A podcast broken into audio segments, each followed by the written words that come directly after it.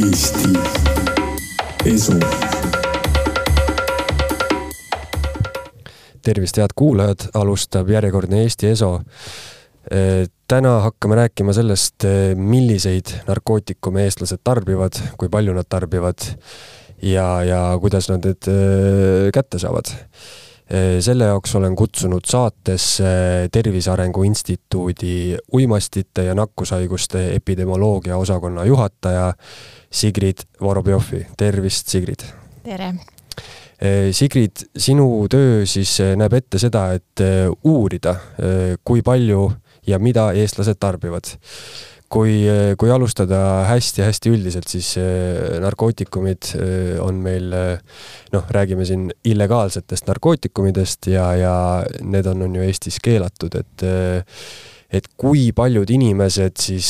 kui me vaatame kõiki vanuserühmi, et kui paljud inimesed üldse elus on narkootikume tarbinud?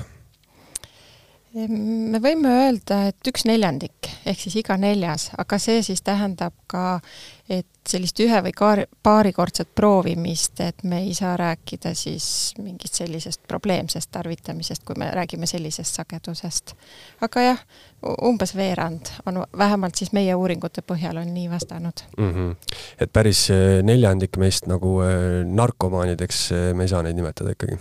ei, kindlasti mitte ja inimesed liiguvad ja reisivad ja eksperimenteeritakse ja, ja see võibki jääda selliseks ühe-kahekordseks proovimiseks ja, ja see ei tähenda veel, et, et sellest võib veel pro-, või et sellest võiks probleem kujuneda mm. -hmm kui me räägime, mis need narkootikumid üldse on, siis äh, milline see ampluaa nii-öelda on, et milline on äh, nii-öelda kõige lahjem kraam ja mis siis äh, on seal tipu otsas? no pigem võib-olla, et saab siis eristada näiteks toimeaine järgi, et äh, kõige selline sagedasem, mida tarvitatakse, on kanep, aga näiteks siis teine pool on, on stimulandid, mis on, kuuluvad siis võib-olla sellise pidutsemise või ööelu juurde. Äh, nendest näiteks seal ekstasi, aga ka kokaiini tarvitamine on äh, sagedasem, kui vaadata siin viimaseid aastaid ja siis võib-olla, et kui rääkida, et mis on kangemad, siis opioidid on sellised, millega siis võib ka kaasneda nii-öelda suurem risk äh, üledoosiks, et kui siin Eesti probleemiks opioidide puhul on olnud fentanüül, mis on siis kõige sagedasem opioid, et, et seal just on probleemiks see, et see sõltuvus on väga kiire kujunema ja, ja ka üledoosi oht on väga suur. aga et kui rääkida laiemalt, et siis pigem ähm, kanep ja stimulandid on võib-olla sellised sagedasemad, millega katsetatakse. Rääkides äh, fentanüülist, siis äh, ma usun, et paljud teavad, et äh, eestlased on nende üledoosist tulenevate surmadega seal nagu statistika mõttes üsna tipuotsas, et kas see on praegu ka veel niimoodi? et see on õnneks muutunud, et jaa, me olime päris mitu aastat Euroopas äh, nii-öelda esikohal üledoosist põhjustatud surmade tõttu, mis oligi tingitud just eh, fentanüüli tarvitamisest, aga siin kaks tuhat seitseteist oli üks suurem eh, kinnipidamine, nii-öelda politsei leidis rühmituse ja ja labori, kus siis seda valmistati ja pärast seda oluliselt muutus fentanüüli kättesaadavus, mis siis sundis tarvitajaid muutma oma käitumist ja liikuma nii-öelda teistele Äh, ainetele. Ja, ja teine, mis on ka mõjutanud, on kindlasti see, et on olemas selline äh, programm, mille nimi on äh, siis, või, või õigemini see aine, mida jagatakse, on naloksoon ja see programm tähendab siis seda, et et need, kellel siis on noh, nii-öelda probleemsed tarvitajad, neil on võimalus osaleda sellisel koolitusel või nende lähedastel, kus nad siis saavad veidi ülevaadet selle äh, naloksooni olemusest, kuidas seda siis näiteks süstida, kui tekib see üledoosi oht ja, ja on võimalik siis kasutada ja näiteks endaga kaasas kanda. et me nimetame seda nii-öelda kahjude vähendamiseks, et see ei tähenda, et me nüüd soodustaks, et, et tarvitataks mingit ainet, aga siiski, kui see inimene teeb seda ja ta oma sõltuvusest muul moel või hetkel ei ole võimeline sellest äh, vabanema, et siis ähm, on olemas siis sellised kahjude vähendamise programmid ja üks osa on siis äh, see naloksooni programm, kus siis me aitame sellega äh, vähendada üledoose mm. -hmm. see on selline nagu tule, tulega tule vastu võitlemine põhimõtteliselt, on ju? Nojah, et nii ja naa mm. -hmm. et, et kui see probleem iseenesest on, et näiteks teine pool, mis kuulub kahjude vähendamise juurde, on süstlavahetus, et Eesti üheks probleemiks on olnud ka kõrge HIV nakatumine ja C-hepatiidi levimus, noh, see on küll pigem siis äh, süstivate, nii et nende inimeste hulgas, kes siis juba narkootikume süstivad, et et siis näiteks anda neile puhtaid süstlaid, et nad ei jagaks omavahel ja sellega siis vähendaks nakkuse levikut mm. -hmm kui me mõtleme selle peale, et kuidas üldse teada saada, mis narkootikume meil siin inimesed kõrval tarbivad, siis noh, kui tänaval keegi tuleb minu juurde, küsib, et kas sa kokaiini teed, siis ma ei ütle talle, isegi kui ma teen, on ju. et kuidas te neid uuringuid läbi viite?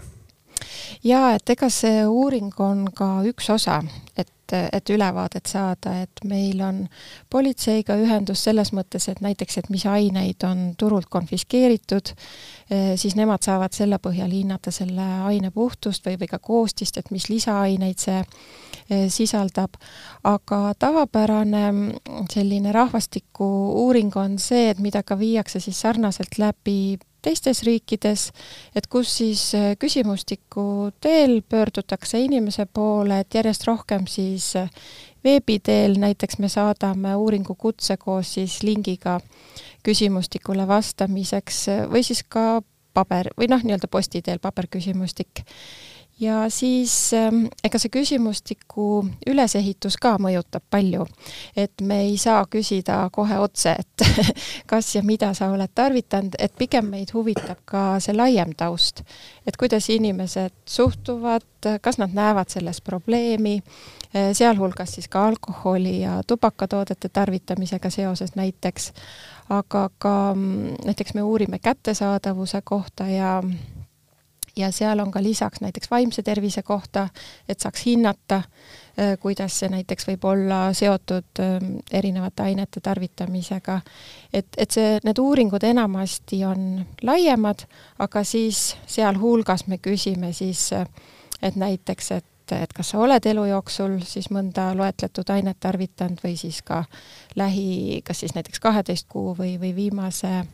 kuu jooksul, et nende ajaperioodide põhjal me eristame seda, et kas siis tegemist võib olla rohkem nii-öelda aktiivse tarvitajaga või siis on nende hulgas näiteks, kes siis elu jooksul on tarvitanud, et pigem on need siis sellised eksperimenteerijad mm. -hmm kui sa ütlesid, et neljandik umbes meist on elu jooksul midagi tarvitanud, siis no kui palju on selliseid inimesi, kes siis no tihti tarvitavad või, või kui tihti?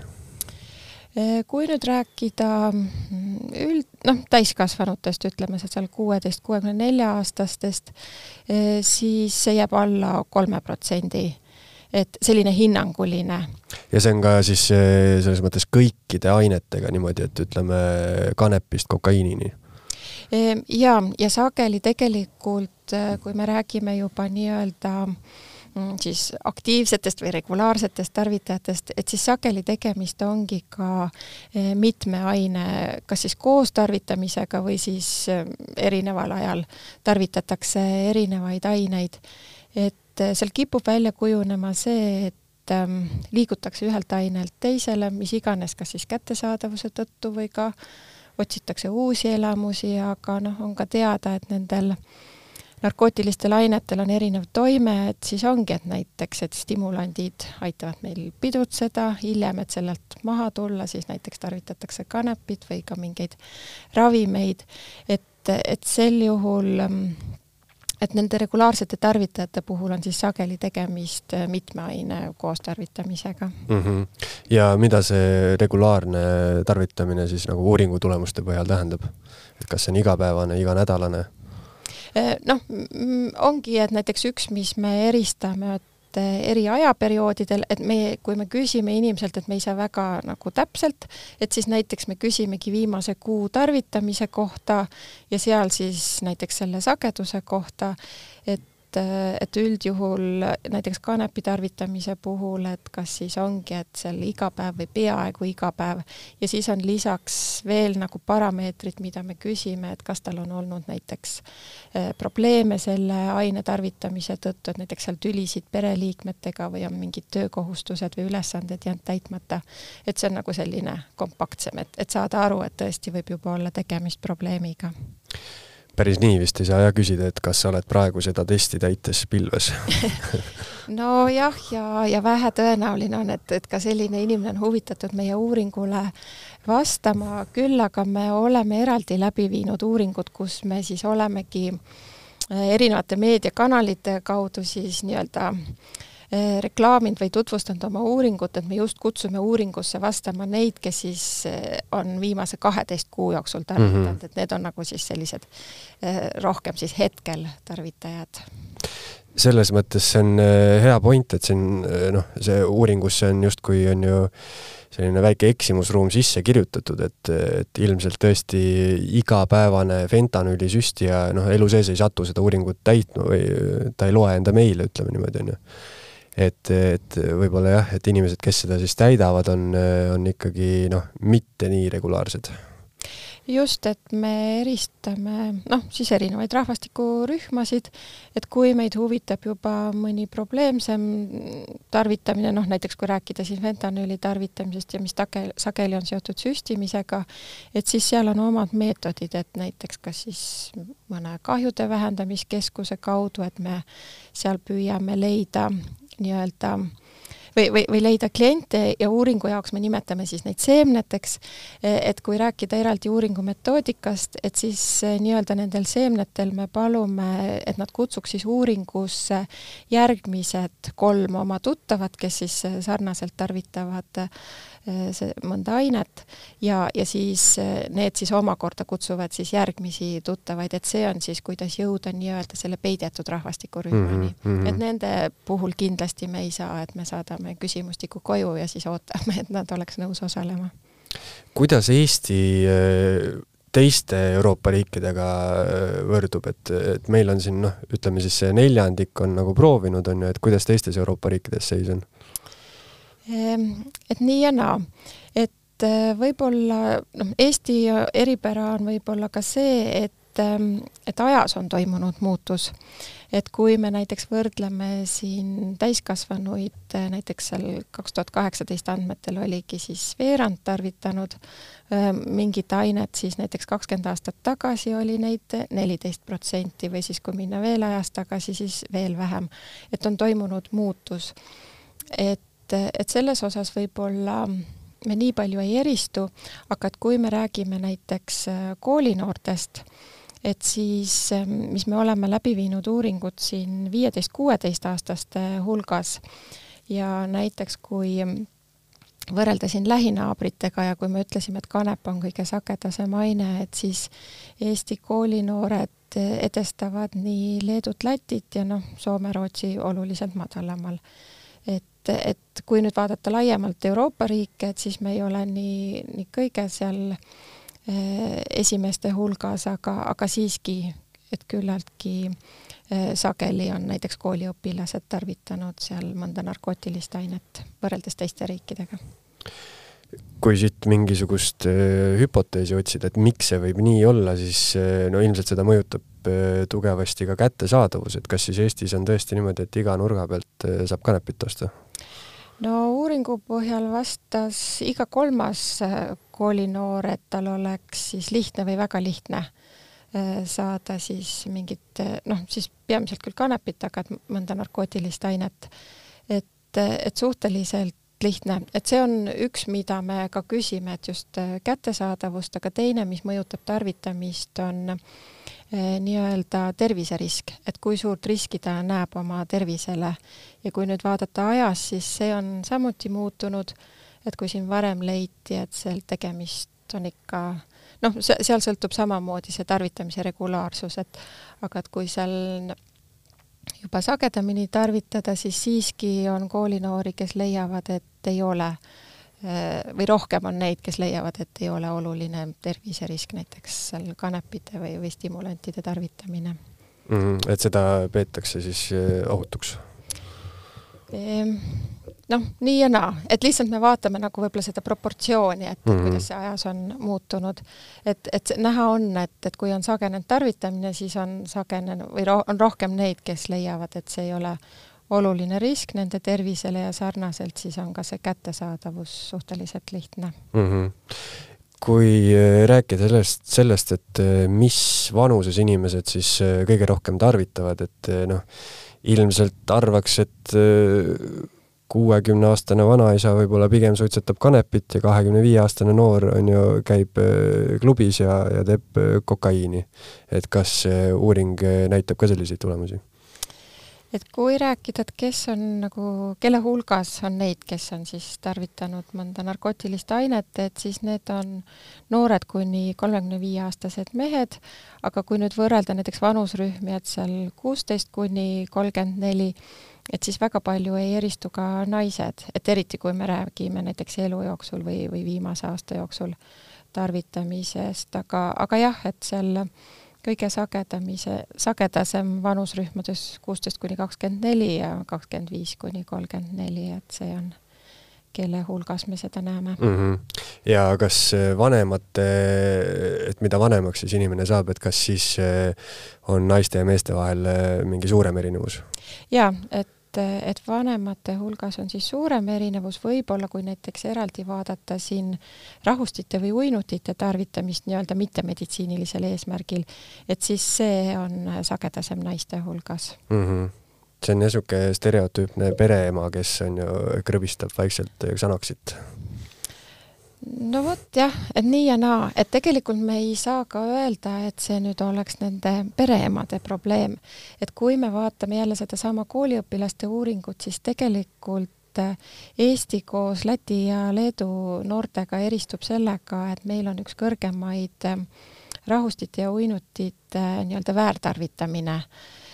et et, et kui rääkida, et näiteks äh, viisteist protsenti Eesti kooliõpilastest äh, siis vastas, et on mõnda uinutit või rahustit tarvitanud nii-öelda mittemeditsiinilisel eesmärgil, et siis Euroopa keskmine on kuus protsenti. Mhm. et, äh, et seal on päris suur erinevus ja kust see, see koolinoor selle uinuti saab, see on ilmselt vanemate apteegikarbist, eks ju? Nojah, et mõnes mõttes see on eraldi uurimisteema just mm -hmm. sellepärast, et me näeme, et see on ajas kasvanud, aga võib arvata seda, et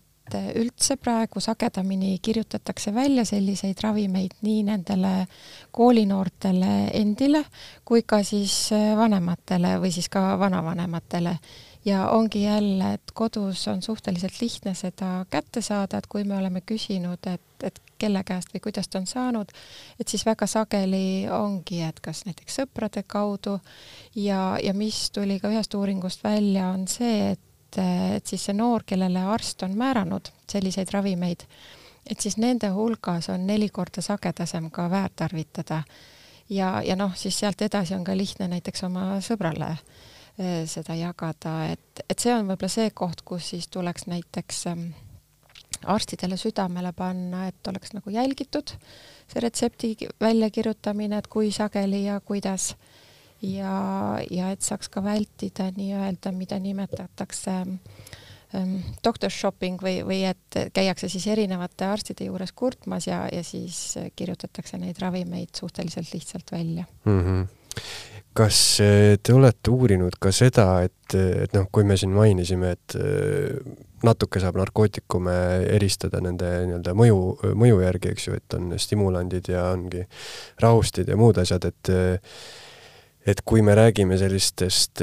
psühhedeelsetest ainetest, et seal seened ja LSD-d, et kui, kui palju eestlased seda tarvitavad või kas te olete seda nagu eraldi niimoodi uurinud? Ehm, jaa, et me oleme küll küsinud või, või noh, on ette antud selline ainete loetelu,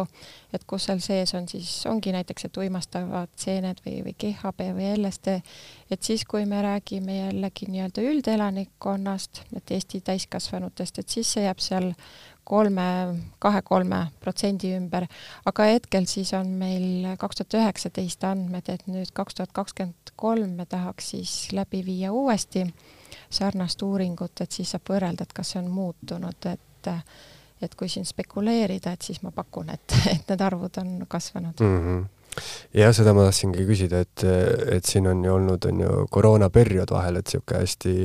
eriolukord on ju, et, et huvitav, kuidas see on inimeste üldse tarbimisharjumusi muutnud, et noh, nii nagu räägitakse, siis noh, kõik, kes kodus on, joovad küll nagu rohkem, et kui me räägime alkoholist, et, et ühesõnaga järgmine aasta te kavatsete siis uuesti teha, eks ju? jaa, et praegu on planeeritud äh, järgmise aasta algusesse uus andmekogumine, et siis need, kes meid kuulevad ja kes saavad uuringu kutse, et siis paneme südamele, et ikka oleks nõus sellele küsimustikule vastama, sest mida rohkem inimesed vastavad, seda täpsemad andmed me saame aga et kui rääkida sellest koroonapandeemia olukorrast, et siis tegelikult ma ütleks, et need tulemused on nii ja naa. et me küsisime ka inimeste käest, et näiteks nende tervisekäitumise kohta, sealhulgas siis alkoholi tarvitamise kohta, et siis tegelikult vähemalt Eesti elanike hulgas ei selgunud, et nüüd oluliselt oleks kasvanud alkoholi tarvitamine. aga ma arvan, et see võib olla kahtepidi mõjutatud, et, et need, kes käisid kuskil pidudel ja ja koos sõpradega tarvitasid, et need siis jäädes koju võib-olla tarvitasid vähem ja need, kes siis üksindusest või, või mis iganes eh, põhjusel siis jälle võib-olla hakkasid rohkem tarvitama, et nad nagu tasakaalustavad mm -hmm. üksteist ära, et selles mõttes, et kui me nagu andmeid üldistatult vaatame, et siis nagu suurt erinevust ei näinud selles osas jah, selles mõttes tõesti, et eh, noh, niisugused eh, nii-öelda sotsiaalsed, eh, sotsiaalsed on ju alkoholitarbijad ja need ilmselt on ju langesid ja siis need masendusest kodus joojad on ju need tõusid, et ja noh, ilmselt on seal igasuguste nende rahustite ja uimastavate asjade tarbimine, ma kujutaks ka ette, et on tõusnud, kuigi jah, kättesaadavuse osas on võib-olla jällegi keerulisem, et, et tänavanurgale ei saagi minna midagi ostma, on ju just, et kui siin politseiga rääkides, siis selgus tõesti, et eriti selle esimese laine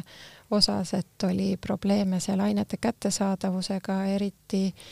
eh, selliste ainetega, mis tulevad kuskilt mujalt ja kui lennukid ei lenda, siis ikkagi mm -hmm. on mõjutatud see olukord.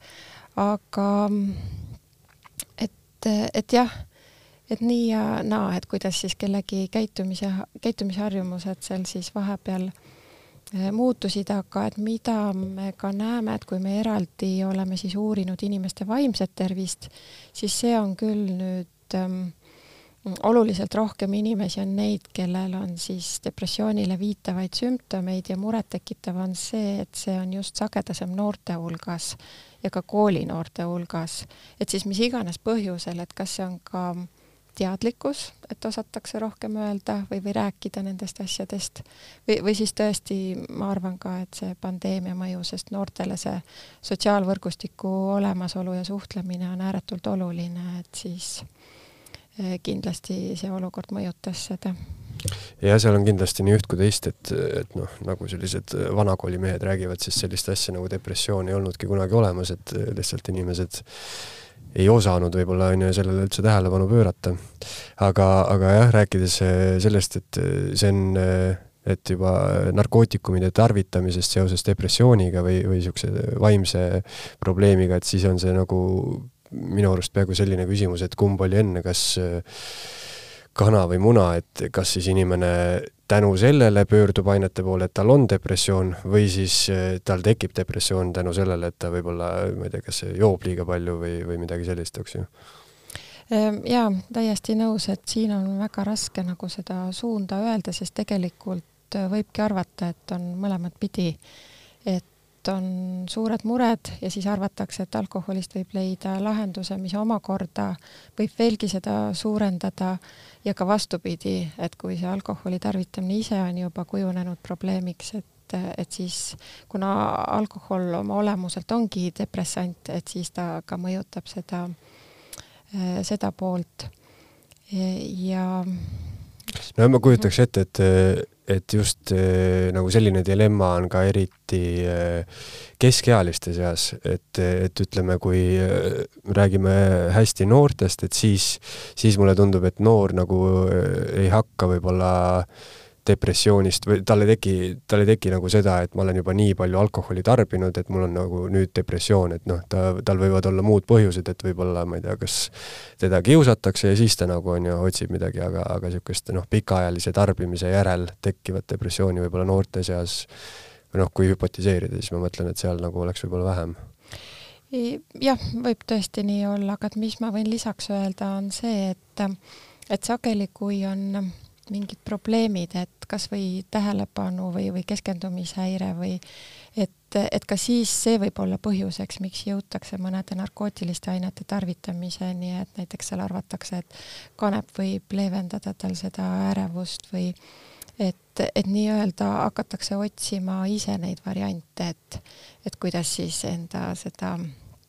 meeleseisundit leevendada mm. -hmm. kui me räägime alkoholist, siis kui palju eestlased joovad? Ehm, et siin on jällegi võib-olla parem vaadata niipidi, et äh, erinevaid rühmasid, et sagedasem siis selliste nelikümmend pluss meeste hulgas, et me võime öelda, et seal igal neljandal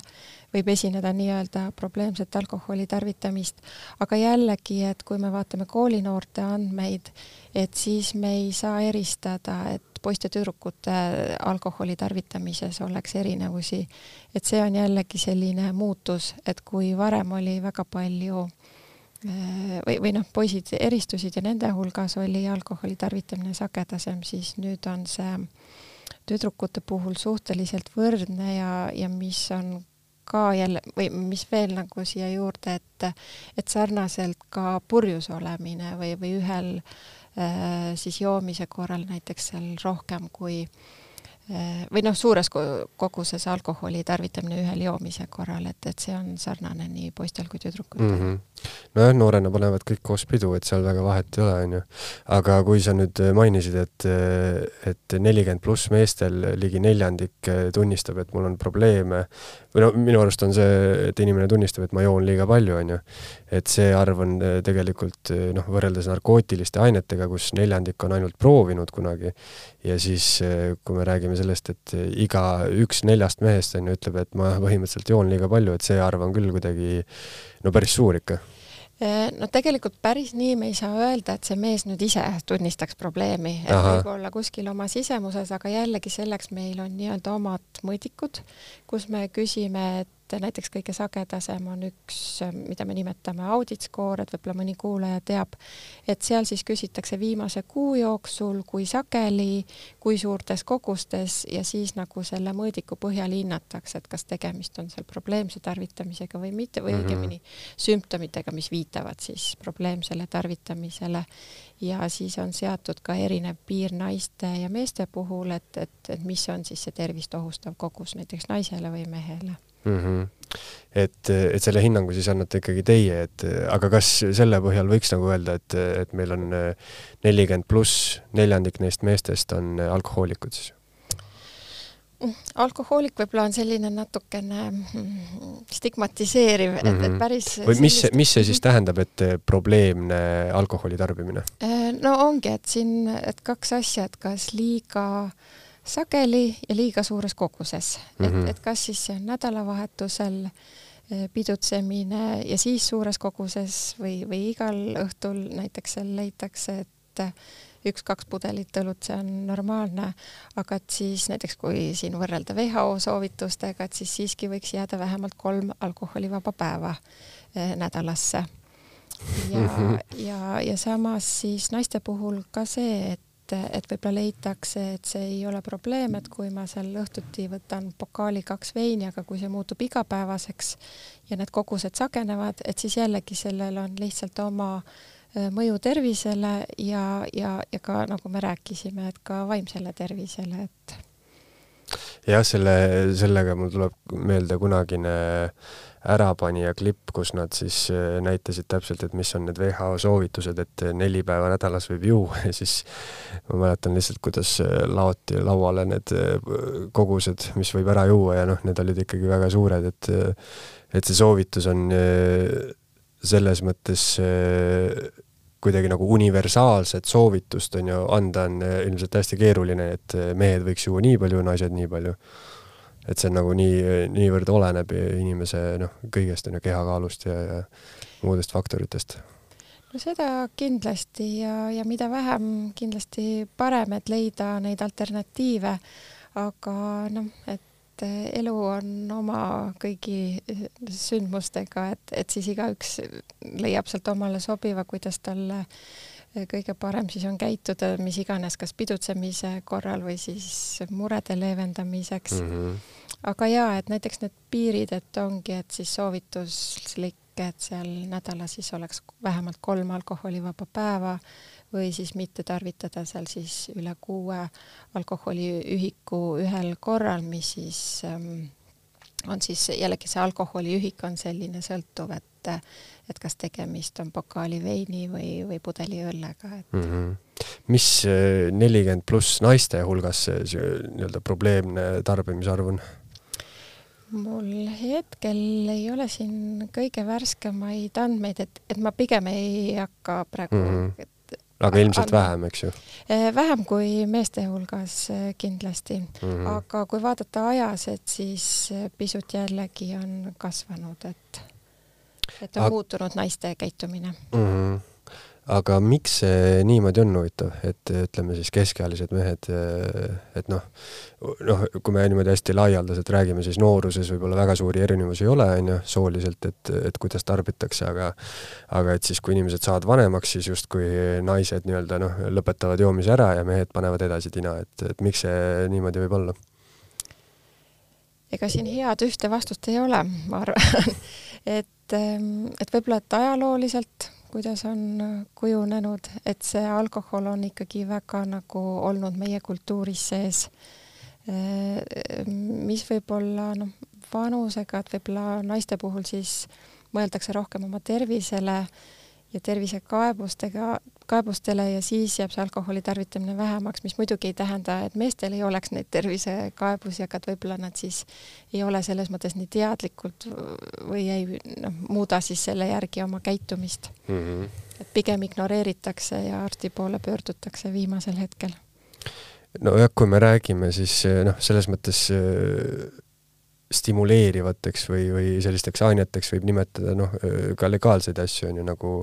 ongi alkohol ja, ja sigaretid, isegi kohv on, on ju stimulant, et kuidas, kuidas suitsetamisega Eestis on, et need arvud on vist ikkagi oluliselt langevad kogu aeg. et kui palju inimesi Eestis, ütleme, igapäevaselt suitsetab? Et kuskil kakskümmend protsenti erinevate uuringute puhul pluss-miinus, et iga päev sigarettide suitsetajate hulk on äh, langenud, aga et mis on siis tekkinud juurde nii-öelda alternatiivsed tubakatooted ehk siis e-sigarettide tarvitamine ja noorte puhul, mida me näeme, on huuletubaka tarvitamine järjest sagedasem. Et see on võib-olla selliseks probleemiks, et ühelt poolt, mida tuleb arvestada seda, et alla kaheksateistaastasel eh, ongi see keelatud tegevus ja, ja tema aju on või, või kogu organism on tegelikult ju alles välja kujunemas. et ja teine pool on siis see, et, et seda on suhteliselt lihtne teha, et kasvõi koolitunni ajal, et palju see mm -hmm. õpetaja oskab seda märgata või ka lapsevanem. et, et see on, mis on võib-olla selline uus asi, mis on juurde tekkinud, et, et kui rääkida, et siin mingi aeg näiteks vesipiibu tarvitamine oli populaarne, et siis selle populaarsus on langenud või, või see sagedus, kui mm, -hmm. kui sageli tarvitatakse jah, võib-olla on samamoodi ka nende teiste tubakatoodetega, et see on mingisugune moeasi, mis langeb võib-olla paari aasta pärast ära. kuigi, kui ma ise tänavapilti vaatan, siis on tõesti niimoodi, et et kui need e-sigaretid ja, ja muud asjad nagu tulid alguses, siis ma alati nägin inimesi, kes on olnud igapäevased suitsetajad ja nad kasutavad seda, noh, nad ei taha enam tavalist sigaretti tõmmata, et nad üritavad, on ju, midagi muuta. aga, aga nüüd tänavapilti vaadates, siis, siis jah, inimesed, kes ei ole isegi kunagi nagu tavasigarettide suitsetajad olnud, on ju, tarbivad neid asju, et et see on äärmiselt populaarseks saanud kuidas, kuidas Euroopas on suitsetamisega, et kas, kuidas Eesti seal paigutub? Ehm, mul praegu kohe sellist head võrdlust ei ole, et Eesti võrreldes teiste riikidega, aga, aga mida me näeme jah, et, et, et kui võrrelda siin Euroopa riike, et siis sarnaselt, et just see sigarettide suitsetamine on, on langenud ja ja, ja et siin on toimunud muutused inimeste tervisekäitumises, et selles mõttes, et ka vähem või, või ütleme siis rohkem on neid, kes näiteks üldse alkoholi ei tarvita, et, et mõnes mõttes on äh, moodne olla terviseteadlik, aga, aga see on siis ka jälle võib-olla siis teatud rühmades mm. -hmm. Et, kui palju Eestis on selliseid inimesi, kes vähemalt siis väidavad, et nad üldse ei tarbi? Kui kooliõpilastest rääkida, et siis noh, kes üldse elu jooksul ei ole tarvitanud, et siis võib-olla neid on sarnaselt kakskümmend protsenti, aga et noh, kui vastupidi, et kaheksakümmend protsenti, et siis on noh, sealhulgas on ka siis need, kes on seal võib-olla lihtsalt eksperimenteerinud ja ja proovinud ja äh, täiskasvanute hulgas siis võib-olla viis protsenti pluss-miinus jällegi sõltub uuringutest mm. -hmm jah, see ikkagi näitab, et meil on nagu see noh, sotsiaalne alkoholi tarbimine on ikkagi nii tugevalt äh, nii tugevalt kuidagi kultuurisüsteemis sees, et, et üheksakümne viiel protsendil sellest pääsu pole. Ehm, jah, et, et ega siin on jällegi seesama, et, et kõik sõltub ähm, kogustest, kui palju ta muutub nagu probleemiks, et hakkab su igapäevaelu segama, et äh, tööd, suhteid et, et see on nagu võib-olla see koht mm, -hmm. millele siis tasub mõelda igaühel mm. -hmm kui eh, nüüd korraks hüpotiseerida, kui me tuleme tagasi eh, näiteks kanepi juurde, et, et eh, mulle jäi meelde see, et iga kolmas õpilane noh, ütles, et ta võib, on ju, kohe kanepit leida, kui on vaja, on ju. et mis sa isiklikult arvad, mis, mida see muudaks, kui näiteks kanep oleks meil legaalne, et kas, kas see nagu noh, teiste riikide pealt ja USA osariikide pealt on igasuguseid uuringu tulemusi olnud näha, on ju, et, et need nii-öelda tarbijad ja need ei lähegi niimoodi hüppeliselt üles, nagu arvatakse võib-olla. et, et mis sa arvad, kuidas see nagu Eestit mõjutaks, et kas siis oleks need numbrid suuremad või, või jääks enam-vähem samaks? Ega seda on raske öelda mm, -hmm. aga et siin on nagu ka erinevad pooled jällegi, et kui me räägime noortest, et siis inimese äh, aju seal areneb lõplikult välja, ütleme tüdrukutel või naist, noortel naistel kakskümmend kaks, poiste puhul kakskümmend neli, kakskümmend kuus, et siis noh, nii kaua, kui annab seda edasi lükata, seda parem, sellepärast et on teada, et mida varasemas eas hakatakse selliseid aineid tarvitama, siis seda suurem mõju äh, tal on organismile ja ka suurem oht on just sellise probleemse tarvitamise väljakujunemiseks mm. -hmm. aga, aga jällegi, et et kui meil on näiteks, oleks kanepi tarvitamine legaalne, siis tegelikult on väga oluline, et meil oleks ka juures see tervishoiusüsteem, meditsiinisüsteem, et mida me teeme nendega, kellel sellest kujuneb probleem, et et, et me, sest mida on ka näiteks USA andmetel või, või mujal näha, kus siis on näiteks kanepi tarvitamine legaalne, on see, et, et võib-olla see protsent väga palju ei muutu, aga muutub nende ähm, käitumine, et just ähm, kes siis võib-olla nii sageli ei tarvitanud, on, on siis, tarvitavad sagedamini ja sealt tulevad rohkem, siis tuleb juurde terviseprobleeme mm. -hmm. et, et peaks olema selline hea süsteem, kuhu siis inimene saab pöörduda, sest tegelikult me oleme alles nii-öelda arenemas selles suunas, et meil ei ole ka päris head sellist toetavat süsteemi äh, alkoholi tarvitamise sõltuvuse siis raviks. et, ähm, et siin on nagu erinevad asjad, mis mõjutavad seda mm. -hmm aga ma arvan, et, et selle hea soovitusega, et ärge tarbige midagi enne, enne kahekümne viiendat eluaastat enam-vähem et, et selle soovitusega võikski, võikski asja kokku võtta. Sigrid, aitäh, et tulid ja, ja rääkisid meile siis, mis, mis drooge me siis tarbime. aitäh teile ka. Eesti Esu